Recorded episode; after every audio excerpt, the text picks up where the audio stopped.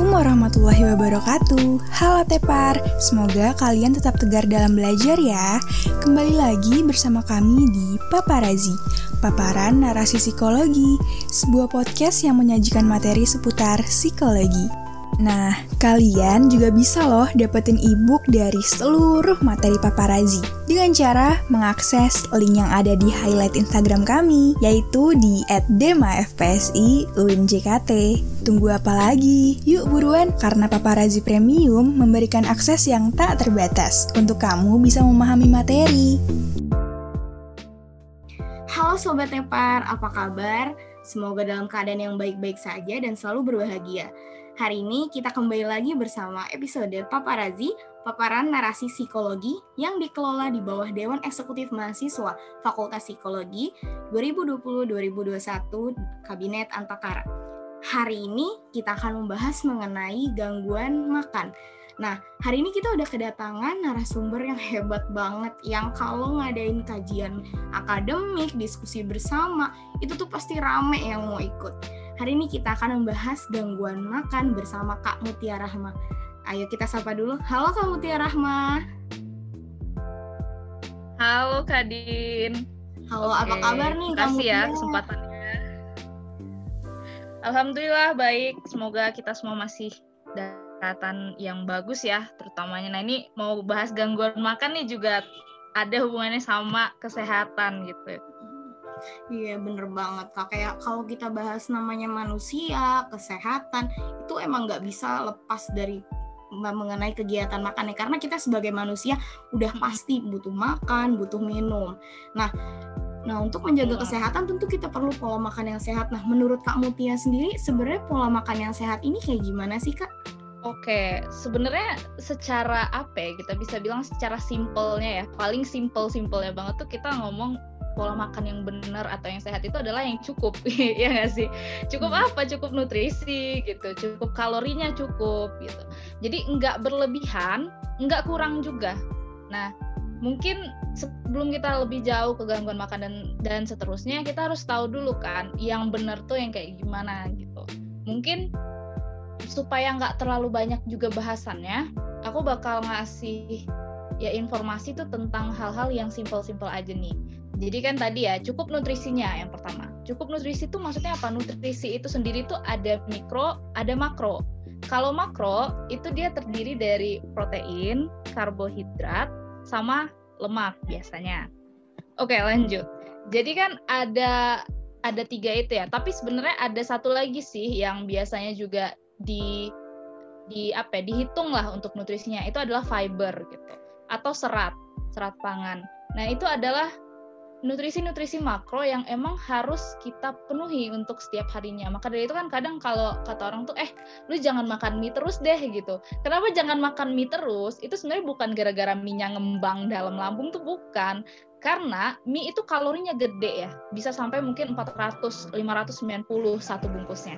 Tapi kalau dilihat makronya, proteinnya itu jauh banget kalau misalnya kita bandingin sama anggaplah protein dari ikan atau protein dari telur gitu ya karbohidratnya tinggi banget dan kita bisa bilang kalau karbohidrat tinggi tuh ya agak gimana ya percuma kan misalnya kayak satu nutrisi itu banyak banget tapi yang satunya itu lacking atau kurang gitu.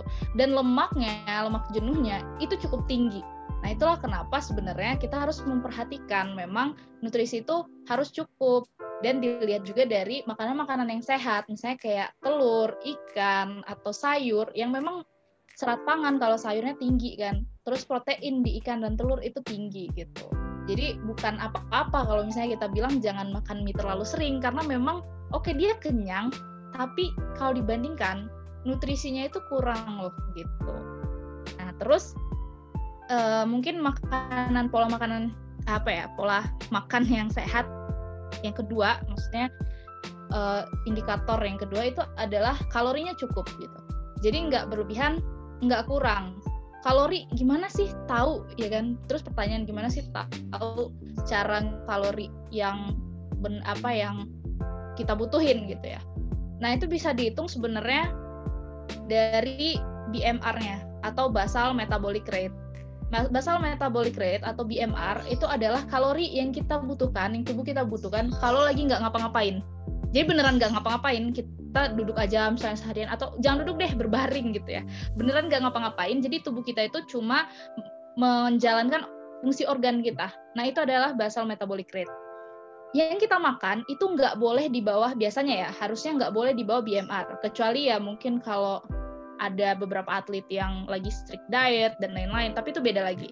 Maksud aku tuh kayak secara umum itu nggak boleh di bawah BMR-nya. Kalau kalian penasaran BMR kalian berapa, mungkin bisa cari di internet, misalnya kayak BMR calculator gitu. Nanti masukin umur kalian, gender kalian, terus juga ada berat badan, tinggi badan gitu. Nanti dihitung BMR-nya. Nah itu. Tapi sebenarnya nggak sebatas BMR karena setiap hari tubuh kita itu kan mengeluarkan kalori. Nah, kalori yang dikeluarkan itu tuh terdiri dari empat hal. Jadi kalau bisa kita bilang TDEE e atau Total Daily Energy Expenditure adalah energi yang kita keluarkan sehari-harinya itu di consist atau di terdiri ya terdiri dari empat hal. Ini dari yang kontribusinya terbesar sampai terkecil ya. Yang terbesar itu adalah BMR tadi. Jadi kita tuh banyak mengeluarkan tuh memang di basal metabolic rate ini tadi kalau kalorinya. Jadi makanya orang yang tinggi banget ya, orang yang tinggi banget tuh biasanya dia makan banyak pun ya nggak gendut-gendut gitu karena emang basal metabolic rate itu sangat terpengaruhi dipengaruhi oleh tinggi badan dan berat badan. Terus ada setelah BMR ada namanya NEAT, NEAT. Jadi kepanjangannya itu adalah non exercise activity thermogenesis. Jadi NEAT ini tadi dia itu adalah hal-hal yang bukan exercise. Misalnya apa? Misalnya kayak kita berdiri, kita duduk, kita berkedip, kita gerakin tangan, itu adalah non exercise kan. Jadi itu sebenarnya kita gerakin tangan tuh juga ada keluar kalori, tapi kan nggak banyak gitu ya. Makanya orang yang lebih aktif, lifestyle, aktif lifestyle ya, misalnya kayak dia pergi ke Indomaret depan rumah tuh nggak bawa motor, tapi dia jalan. Itu tuh biasanya orang-orangnya lebih banyak membakar kalori sehingga dia bisa makan lebih banyak. Terus yang ketiga itu adalah EAT, EAT. Itu adalah yang exercise, activity thermogenesis. Jadi hal-hal yang berba ya berhubungan sama olahraga gitu. Jadi kalau kalian olahraga ya otomatis lebih banyak mengeluarkan kalori kan. Maka dari itu ya kalori yang masuk pun bisa lebih banyak juga gitu. Nah, terus ada TEF, thermic effect of food atau kadang juga ada yang bilang thermic effect of feeding gitu. Jadi sebenarnya nih, ini singkat aja. Setiap dari makronutrients ataupun mikronutrients tadi yang kita jelasin itu ada uh, mereka tuh beda-beda gitu untuk kalori yang dibutuhkan untuk memprosesnya. Misalnya kayak gini, protein sama karbohidrat itu lebih gedean kalori yang digunakan untuk memproses protein dibandingkan karbohidrat. Makanya orang-orang atlet itu biasanya lebih banyak makan protein atau orang-orang yang kayak diet gitu, ya dia banyak juga makan protein gitu, dikit makan karbohidrat dan lain-lain. Karena emang kayak termo apa thermic effect of foodnya itu lebih gede di protein. Cuma memang kan tadi kan kalau aku bilang kan ini kontribusinya dari yang paling besar paling kecil ke paling kecil kan. Nah TEF ini kan yang paling kecil ya. Jadi hampir bisa kita bilang secara umum tuh kurang signifikan sih. Kalau misalnya kita um, apa ya terlalu terfokus sama ah, gue harus makan yang proteinnya tinggi terus nih biar kurus. Nggak juga kayak gitu karena ini yang paling kecil nih kontribusinya gitu deh pokoknya intinya kalori yang masuk dan kalori yang keluar itu ya harus seimbang aja gitu dan nutrisi yang masuk baik itu makro ataupun mikro mikro itu yang kayak vitamin mineral dan lain-lain itu juga harus cukup untuk di tubuh sehingga tubuh kita itu bisa berfungsi dengan normal gitu Kadin. Hmm, jadi memang ya kak kuncinya adalah di kalori sama komposisi yang kita makan ya kamu biar kalau misalkan yang masuk cukup, yang masuk sehat, tentu kita juga bisa berpikir dengan jernih dan melakukan aktivitas dengan maksimal ya Kamuti. Nah, kalau yang udah Kamuti sebutkan tadi itu kan ibaratnya idealnya kita tuh punya pola makan yang seperti itu ya kamu yang kita harapkan hmm. seperti itu. Tapi nyatanya tuh banyak yang enggak hmm. uh, yang enggak sesuai gitu, yang menyimpang atau bahkan udah masuk ke dalam uh, kategori seperti topik kita hari ini gangguan gangguan makan itu sendiri. Nah, kalau dalam ilmu psikologi tuh gangguan makan tuh apa sih sebenarnya kamu Ti? Oke, jadi gini Kak Adin. Kan tadi kan kita udah ngomongin cara makan yang sehat kan. Nah, cara makan yang sehat itu adalah yang cukup kan tadi. Berarti apa nih kalau terlalu kurang atau terlalu banyak ya bisa jadi ada sesuatu hal yang salah gitu kan dari perilakunya atau dari habit makannya ini tadi atau eating habit gitu. Jadi itulah yang disebut nanti tuh eating disorder atau gangguan makan. Jadi tapi nggak hanya berbatas pada terlalu banyak atau terlalu sedikit ya. Nanti kan ada uh, ciri-cirinya masing-masing tuh untuk jenis-jenis dari gangguan makan. Jadi gangguan makan itu sendiri tuh adalah fenomena ya gangguan mentally dan juga fisik ya. Itu juga masuknya ke ranah fisik tapi juga ada ranah mental ya karena nanti perilakunya itu tuh dipengaruhi oleh pikirannya sendiri. Misalnya kayak kalau kita itu gangguan makannya misalnya nanti ada ada jenisnya tapi nanti aja. Kayak misalnya dia tuh nggak nggak mau gendut gitu. Terus makannya itu dikit banget nah itu kan ada ketakutan kan ada ketakutan apa untuk gaining weight untuk nanti berat badannya itu meningkat Nah, ini nih yang bisa berbahaya ya. Kadang ketakutannya itu nggak rasional gitu. Kenapa nggak rasional? Karena sebenarnya yang dia makan tuh ya juga biasa-biasa aja, tapi dia tuh setakut itu gitu. Gitu sih. Iya, jadi ini memang ada pemahaman atau pola pikir yang salah yang menimbulkan akhirnya pola makannya pun kacau gitu ya kak. Dan akhirnya berujung iya. pada eating disorder itu sendiri ya kamu Ti. Mm-hmm. Jadi kayak ada habitnya gitu loh yang kurang bagus. Oh, iya. Gitu. Tadi udah kamu ti omongin sekilas juga nih. Jadi gangguan makan ini kan ada beberapa jenis-jenisnya. Nah, ada berapa jenis sih kak dan apa aja jenis-jenis gangguan makan dalam ilmu psikologi itu sendiri? Oke, mungkin ini lebih ke ininya aja ya, lebih ke bisa dibilang yang paling populer gitu. Hmm. Jadi ada tiga gangguan makan yang biasanya paling sering dialamin banyak orang dan juga paling sering diekspos di media itu. Ada anoreksia nervosa, ada bulimia nervosa, sama binge eating disorder. Mungkin kita bahas satu-satu nih. Jadi kayaknya uh, apa ya anoreksia tuh udah banyak ya yang denger iya nggak sih? Iya udah kayak kalau dibilang eh ini anoreksi ini kali orangnya kurus banget gitu. Iya gak sih? Iya kayak gitu kan. Ya jadi anoreksia itu dia itu gini.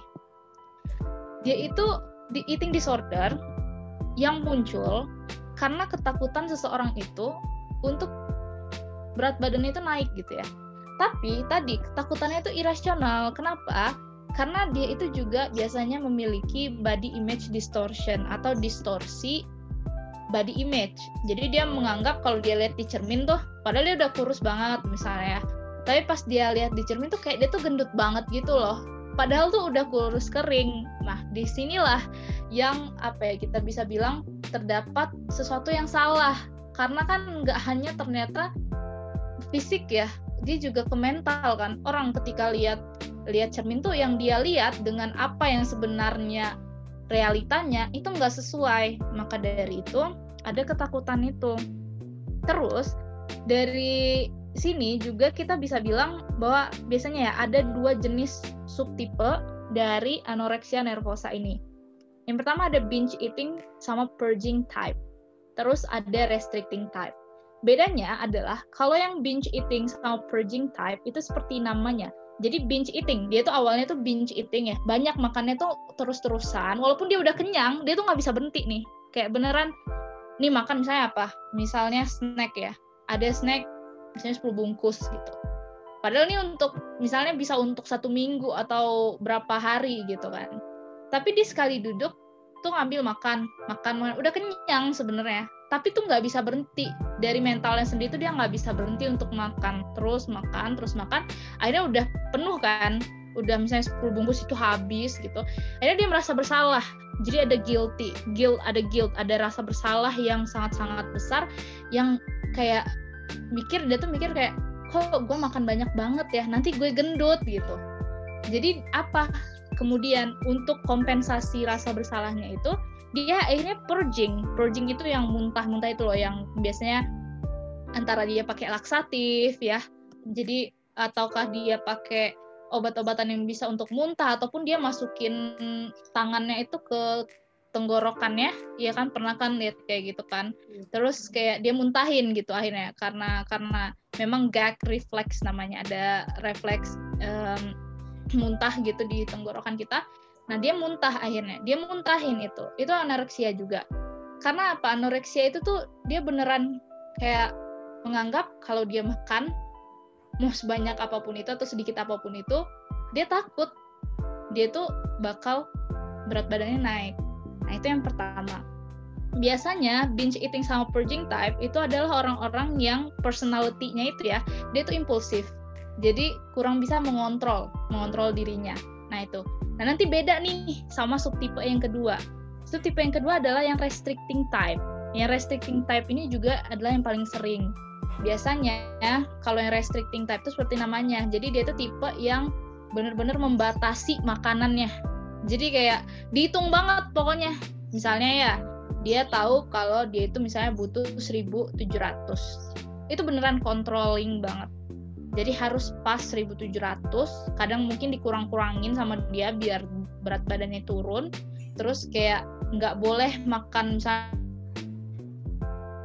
Nah ini kan kita kan kalau kita ngomongin pola makan sehat, oke okay, mungkin kalau makan kue itu emang nggak sehat atau makan cookies nggak sehat. Tapi kan sekali-sekali nggak apa-apa toh. Kalau misalnya cukup aja ya kayak in moderation gitu, nggak yang sampai 10 cookies. Kalau dia makannya satu aja ya it's okay. Tapi kalau orang yang anoreksik, dia itu nggak boleh banget loh, nggak nggak boleh banget untuk dirinya sendiri itu makan hal-hal yang nggak sehat misalnya kayak gitu.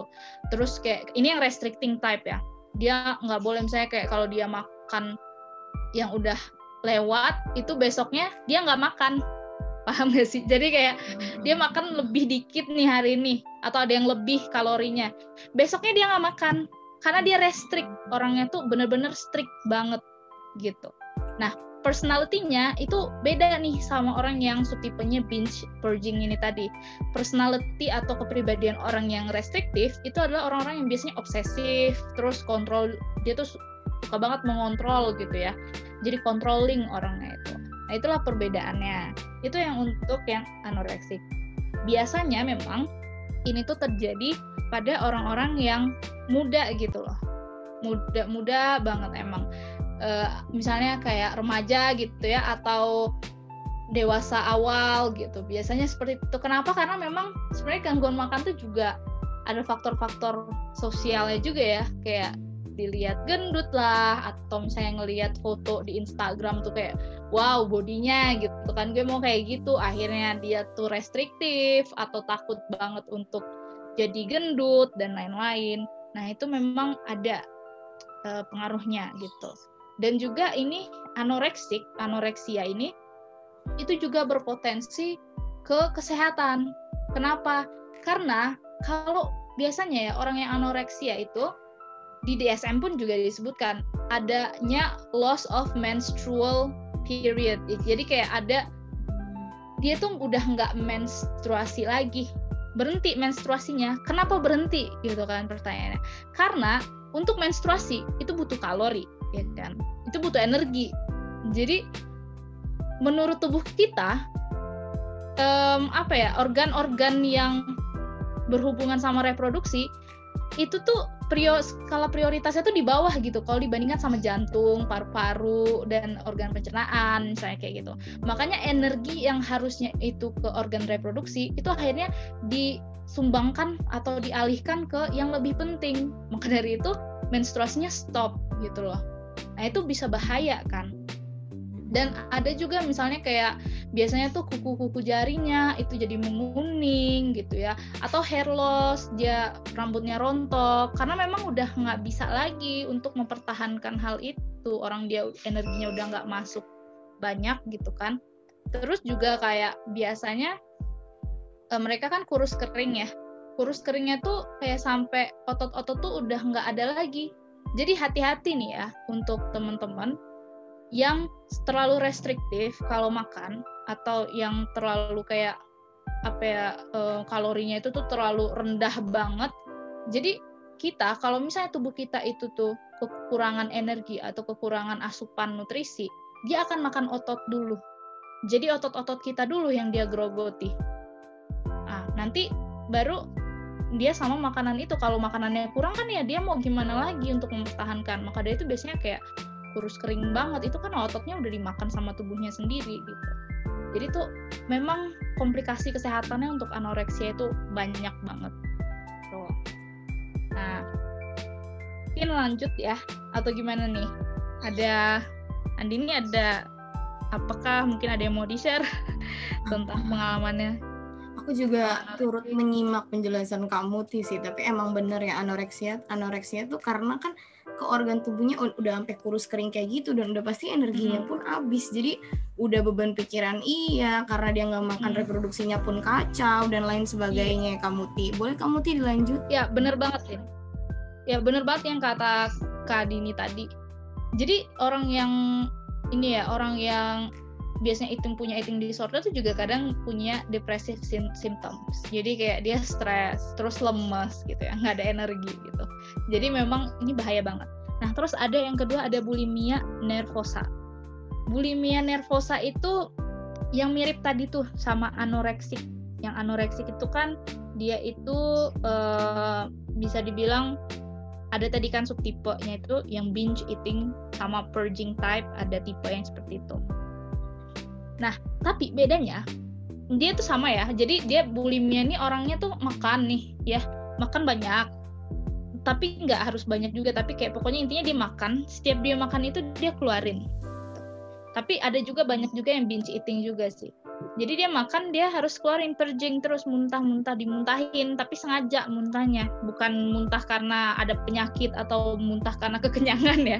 Jadi kayak disengaja gitu loh muntahnya atau muntahnya itu kalau nggak pakai tangan ya pakai laksatif tadi. Jadi ada semacam cairan gitu ya untuk biar dia itu muntah ataupun uh, mencret-mencret gitu ya biar keluar semua itu. Nah itu hati-hati teman-teman Nah, terus tapi bedanya sama yang anoreksik. Kalau anoreksik tadi itu kan kayak biasanya dia beneran uh, kurus gitu ya, restriktif restriktif banget misalnya. Kalau di bulimia itu biasanya orang-orang yang punya berat badan itu tuh di range normal. Jadi kalau dilihat ya, kalau orang orangnya biasanya kalau orang bulimia tuh dia nggak nggak kelihatan gitu. Karena berat badannya normal-normal aja, tapi di balik itu ya dia muntah-muntahin itu tadi gitu. Nah terus juga tadi kan aku bilang kan dia tuh ada kemungkinan untuk binge sama purge. Jadi dia makan banyak gak bisa berhenti terus dia muntahin. Nah kegiatan ini itu bisa menyebabkan suatu komplikasi medis. Maksudnya komplikasi kesehatan. Kenapa? Karena kan ketika dia muntahin, itu kan keluarnya itu kan barengan sama asam lambung kan? Oke misalnya kalau kita pernah muntah ya. Pernah nggak sih muntah terus kayak ih pahit banget rasanya gitu. Nggak enak banget di kerongkongan. Perih gitu ya. Pedes atau gimana. Kayak gitu rasanya. Itu kan asam lambung kan? Baunya kan gak enak banget oke itu satu kali misalnya. Tapi orang yang bulimia itu tuh dia berkali-kali cuy.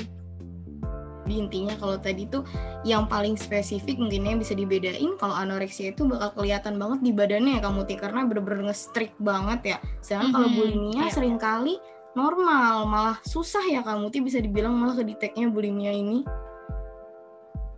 Iya betul. Jadi tadi ya binge purge itu kan berkali-kali misalnya dia muntah, itu kan asam lambung tuh bisa menggerogoti kerongkong eh, tenggorokan dia kan. Mm -mm. Bahaya kan? Banget. Makanya tuh biasanya hati-hati juga tuh yang bulimia tuh lebih ke sananya. Atau ke kebanyakan makan laksatif ya bisa melukai lambungnya misalnya kayak gitu atau melukai organ-organ pencernaan gitu. Nah, mungkin itu aja untuk bulimia. Terus ada yang binge eating disorders. Menurut aku binge eating ini kayaknya lumayan banget banyak ya terjadi gitu ya. Karena kenapa? Karena dia tuh compulsive overeaters. Jadi dia itu tadi kan binge eating kan sebenarnya udah di atas atas tadi kan udah disebutin ya jadi makannya itu beneran nggak bisa berhenti nggak bisa berhenti bukan karena makanan ini favorit dia bukan kadang bukan makanan favorit juga toh makan aja gitu makanan apa pun yang dia nggak suka bukan nggak suka juga sih kayak dia biasa aja gitu misalnya lihatnya itu dia akan makan banyak. Karena dia kenapa? Dia nggak bisa berhenti. Sekali makan masuk mulutnya itu masuk makanan itu ke mulutnya dia nggak bisa berhenti. Akhirnya ya itu tadi. Biasanya um, apa ya? Dia itu akhirnya kenapa? Kalau misalnya dia itu makannya terlalu banyak ya kalori yang masuk kan banyak juga kan. Jadi binge eating ini tuh ini without purging ya jadi nggak ada purgingnya. Jadi kan masuknya banyak tuh banyak kalori yang masuk. Akhirnya apa? Bisa resiko obesitas. Makanya bully eh bulimia lagi binge eating disorder ini itu sering terjadi pada orang-orang yang obesitas. Nah gitu. Jadi kalau misalnya teman-teman tuh nonton ya di YouTube gitu ya saya ada dokumenter atau dokumentasi video tentang orang yang obesitas tuh kadang mereka tuh sambil nangis-nangis bilang kayak I can't stop eating. Kayak dia bilang gitu. Karena itu adalah binge eating disorders. Itu bukan lagi karena dia makan makanan favorit dia atau bukan lagi karena dia itu suka banget. Bukan itu emang udah masuk ke ranah mental gitu. Mentally dia itu nggak mampu untuk ngestop mengontrol dirinya sendiri gitu loh gitu ya. Jadi berarti binge eating itu kayak itu kayak dia tuh nggak bisa ngontrol kayak gerak ibaratnya gerak sendiri kali ya kamu ti mungkin tangan hmm, betul. kayak ada yang ngontrol dia aja gitu kadang. Padahal mah hatinya mungkin kayak udah stop gitu cuma nggak bisa gitu ya dikontrol perilakunya hmm. kamu iya.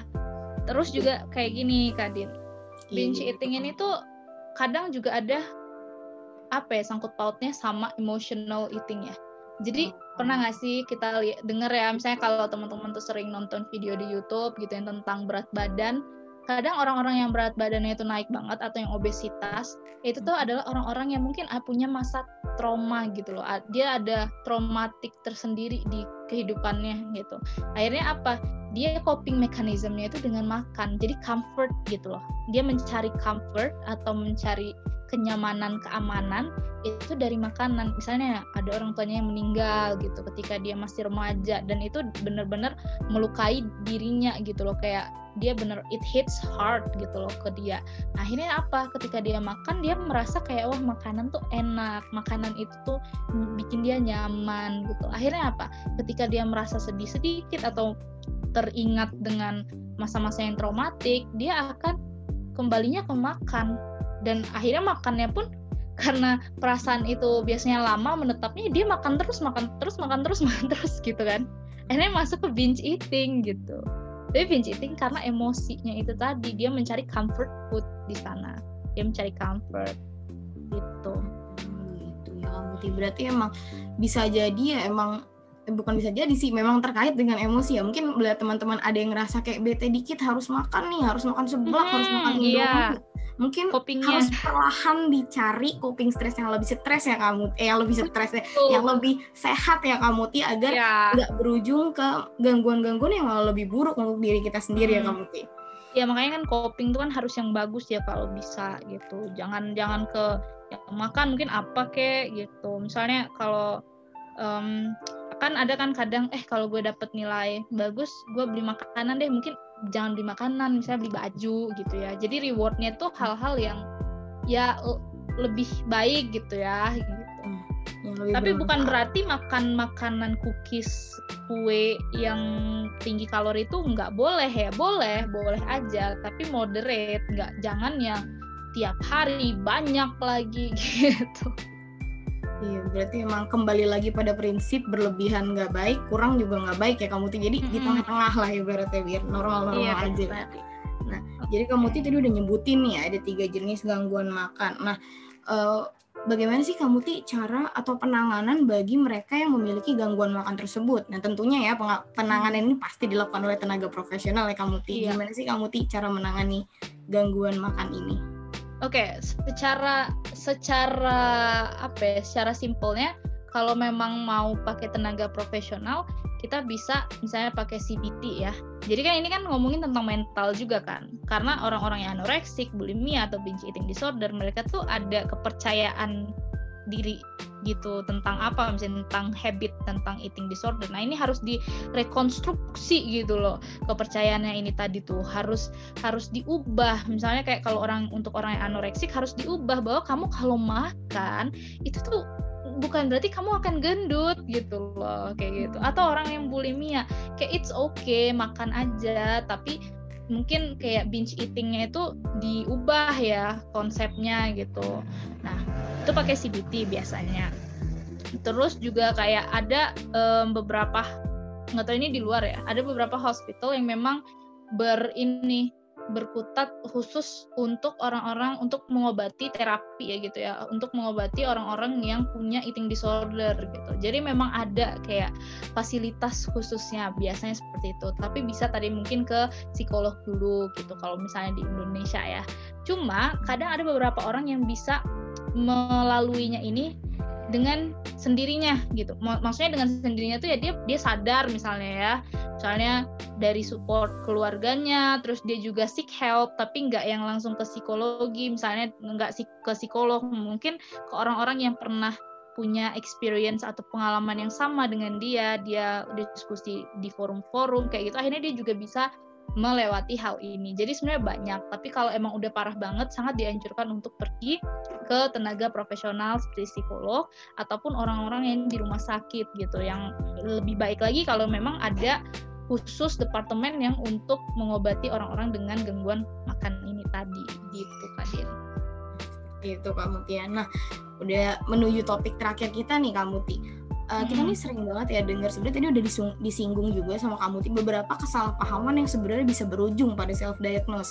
Yang kita tahu kan self diagnose hmm. ini bahaya banget ya kamu nggak boleh nah. Iya. Nah betul. dalam hal gangguan makan ini uh, apa sih self uh, apa sih kesalahpahaman yang sering banget kamu dengar gitu dan gimana sih kamu cara kita bedain ketika ini tuh sebenarnya tuh nggak kayak gitu loh. Ini tuh kamu tuh bukan gangguan loh. Kayak misalnya hmm. tadi yang kamu ngomong ketika orang suka makan padahal uh, gimana padahal tuh dia emang suka aja gitu dan gimana ketika mm -hmm. gimana caranya dia bedain ketika dia makan banyak dia suka sama makan banyak dia tuh gangguan gitu loh kamu karena susah gitu kan kamu ti kita ngebedainnya gitu gimana tuh kamu ti ya oke okay. jadi banyak sih sebenarnya yang punya kesalahpahaman ya contohnya salah satunya itu adalah orang yang anoreksik orang yang anoreksik itu harus udah kurus kering banget gitu. Jadi sebenarnya oke, okay, mungkin di DSM 5 juga dibilang kayak extreme weight loss gitu ya atau underweight banget gitu tapi kan orang tuh kan they have to start somewhere ya nggak sih dia tuh harus mulai di suatu titik gitu. Mungkin dia mulai punya anoreksiknya ini tuh ketika dia masih berat badannya normal. Kemudian kan dia anoreksik turun terus, turun terus, turun terus, turun terus. Tapi banyak orang yang bilang kayak ah lu mah nggak kurus-kurus banget, nggak ada anoreksik. Padahal nih dia tuh udah kayak restriktif ya. Misalnya dia restriktif eating, dia ketakutan yang mendalam dia akan naik berat badannya terus ketika dia lihat di cermin tuh dia kayak ngerasa dia udah gendut banget padahal berat badannya normal terus dia juga kayak mungkin ada rasa depresi ya gitu ya kan nah sekarang kita ke topik terakhir kita nih kamu Ti kan sering banget ya kita nemu kayak kesalahpahaman dalam membahas gangguan makan. Karena penting banget ya ketika kita tuh harus sadar kapan sih kayak misalnya bulimia nih. Tadi kan kamu tuh bilang uh, kalau makan abis itu dipaksain muntah. Kapan kita harus bisa membedakan kapan orang itu emang kekenyangan dan kapan memang gejala bulimia? Nah Nah, Kak Muti, kita tuh eh, nggak e, bisa dipungkiri sering banget ketemu kesalahpahaman mengenai gangguan makan yang ujung-ujungnya akhirnya ke self diagnose. Nah, seperti kita tahu, self diagnose kan yang bahaya banget ya, Kak Muti nggak boleh banget. Nah, kesalahpahamannya kalau aku pribadi nih yang sering aku dengar kayak misalkan tadi Kak Muti bahas soal bulimia, kalau udah makan dipaksain muntah. Kadang kan kita harus tahu ya kapan ketika emang kita tuh muntah karena kekenyangan gitu dan kapan muntah ini muntah setelah makan ini bisa dikategorikan sebagai ciri bulimia. Nah, kamu tuh sendiri pernah nggak sih dengar kayak kesalahpahaman mengenai gangguan makan itu sendiri? Nah, bagaimana kamu tuh caranya untuk meluruskan informasi yang salah-salah tersebut gitu kamu tuh?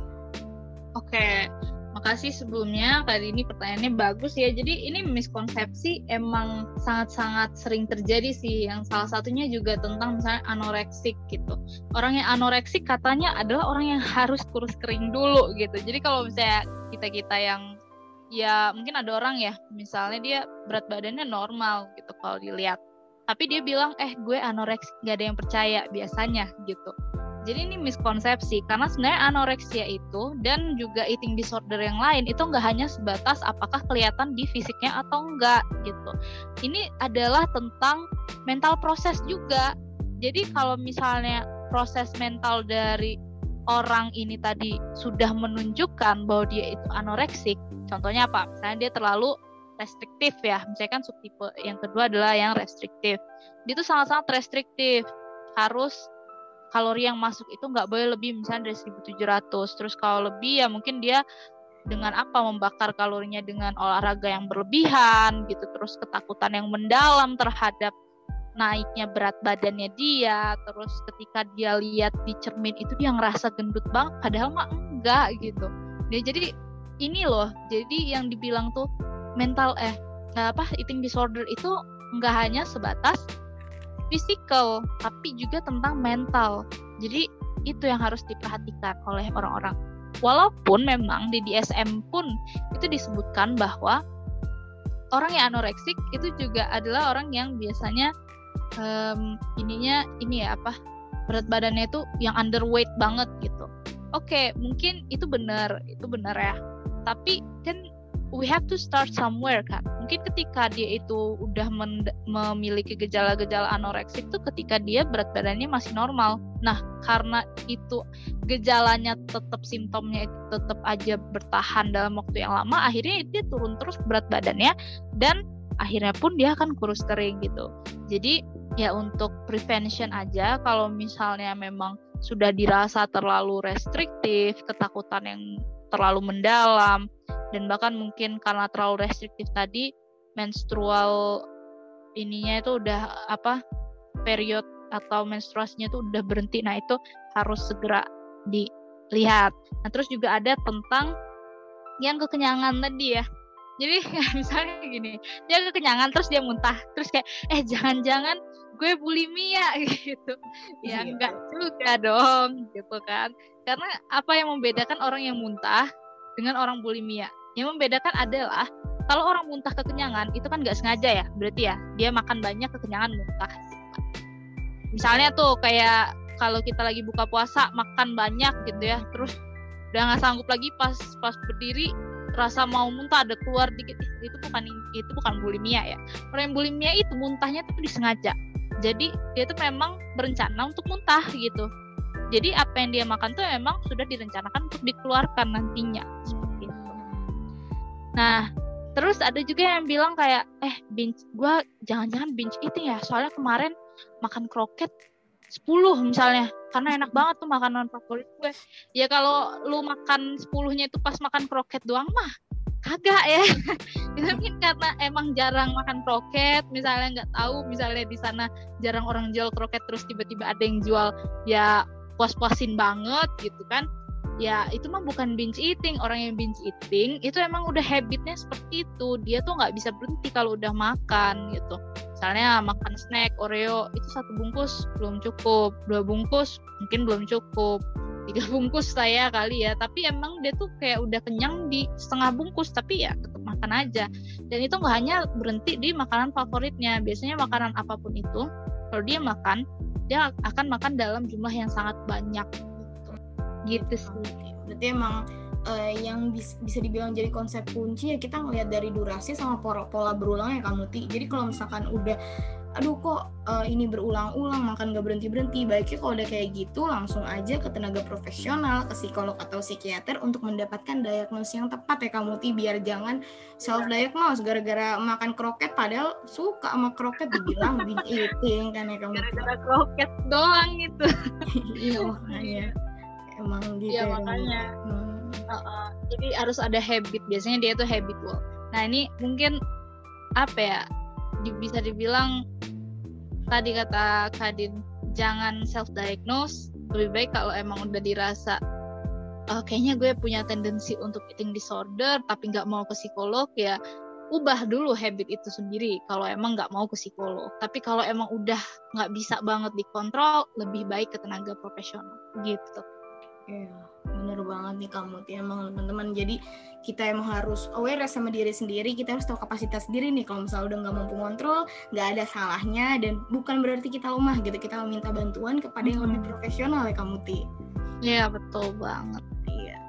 Ya, udah teman-teman. Jadi uh, kita udah sampai penghujung podcast kita. Terima kasih banyak kamu Tiara Rahma udah berbagi ilmunya kepada kita. Jadi kita punya wawasan tambahan nih mengenai gangguan makan dan dengan penyampaian yang mudah dimengerti ini nih kamu Tia. Makasih banyak kamu Tia. Mungkin aku kasih closing statement aja ya dikit ya. Silakan kamu Tia. Oke, jadi teman-teman yang mungkin ada beberapa kali ya pernah mengalami eating disorder itu kan juga karena mungkin pengaruh dari sosial ataupun memang ada faktor biologisnya sendiri gitu ya. Tapi percayalah kayak sayangi tubuh aja sih karena tubuh kita itu ada adalah yang membawa kita sampai sekarang gitu.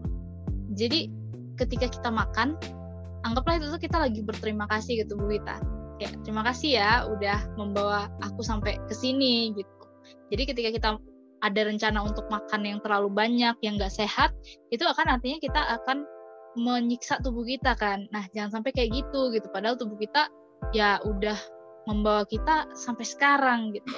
Jadi mungkin untuk teman-teman good luck untuk menjaga kesehatannya. Ya kalau misalnya sempetin lah olahraga dikit. Kalau nggak sempet mungkin ubah dulu uh, habit makannya atau habit yang lain yang biasanya duduk doang agak berdiri lah berapa menit gitu ya hmm. itu aja sih dari aku makasih atas kesempatannya Hmm, ya, terima kasih banyak juga untuk kamu Tia. Oke teman-teman, sudah sampai di akhir paparazi episode kali episode kali ini. Sampai jumpa di eh, paparazi atau paparan paparan narasi psikologi selanjutnya. Semoga yang disampaikan kamu Tia pada hari ini bisa bermanfaat baik untuk pendengar dan untuk kamu Tia sendiri. Sampai jumpa kembali Sobat Tepar. Selamat sore. And here we are at the end of the topic. Terima kasih sudah setia mendengarkan podcast ini. Nantikan podcast kami berikutnya ya. Sampai jumpa dan jangan sampai ketinggalan. Wassalamualaikum warahmatullahi wabarakatuh.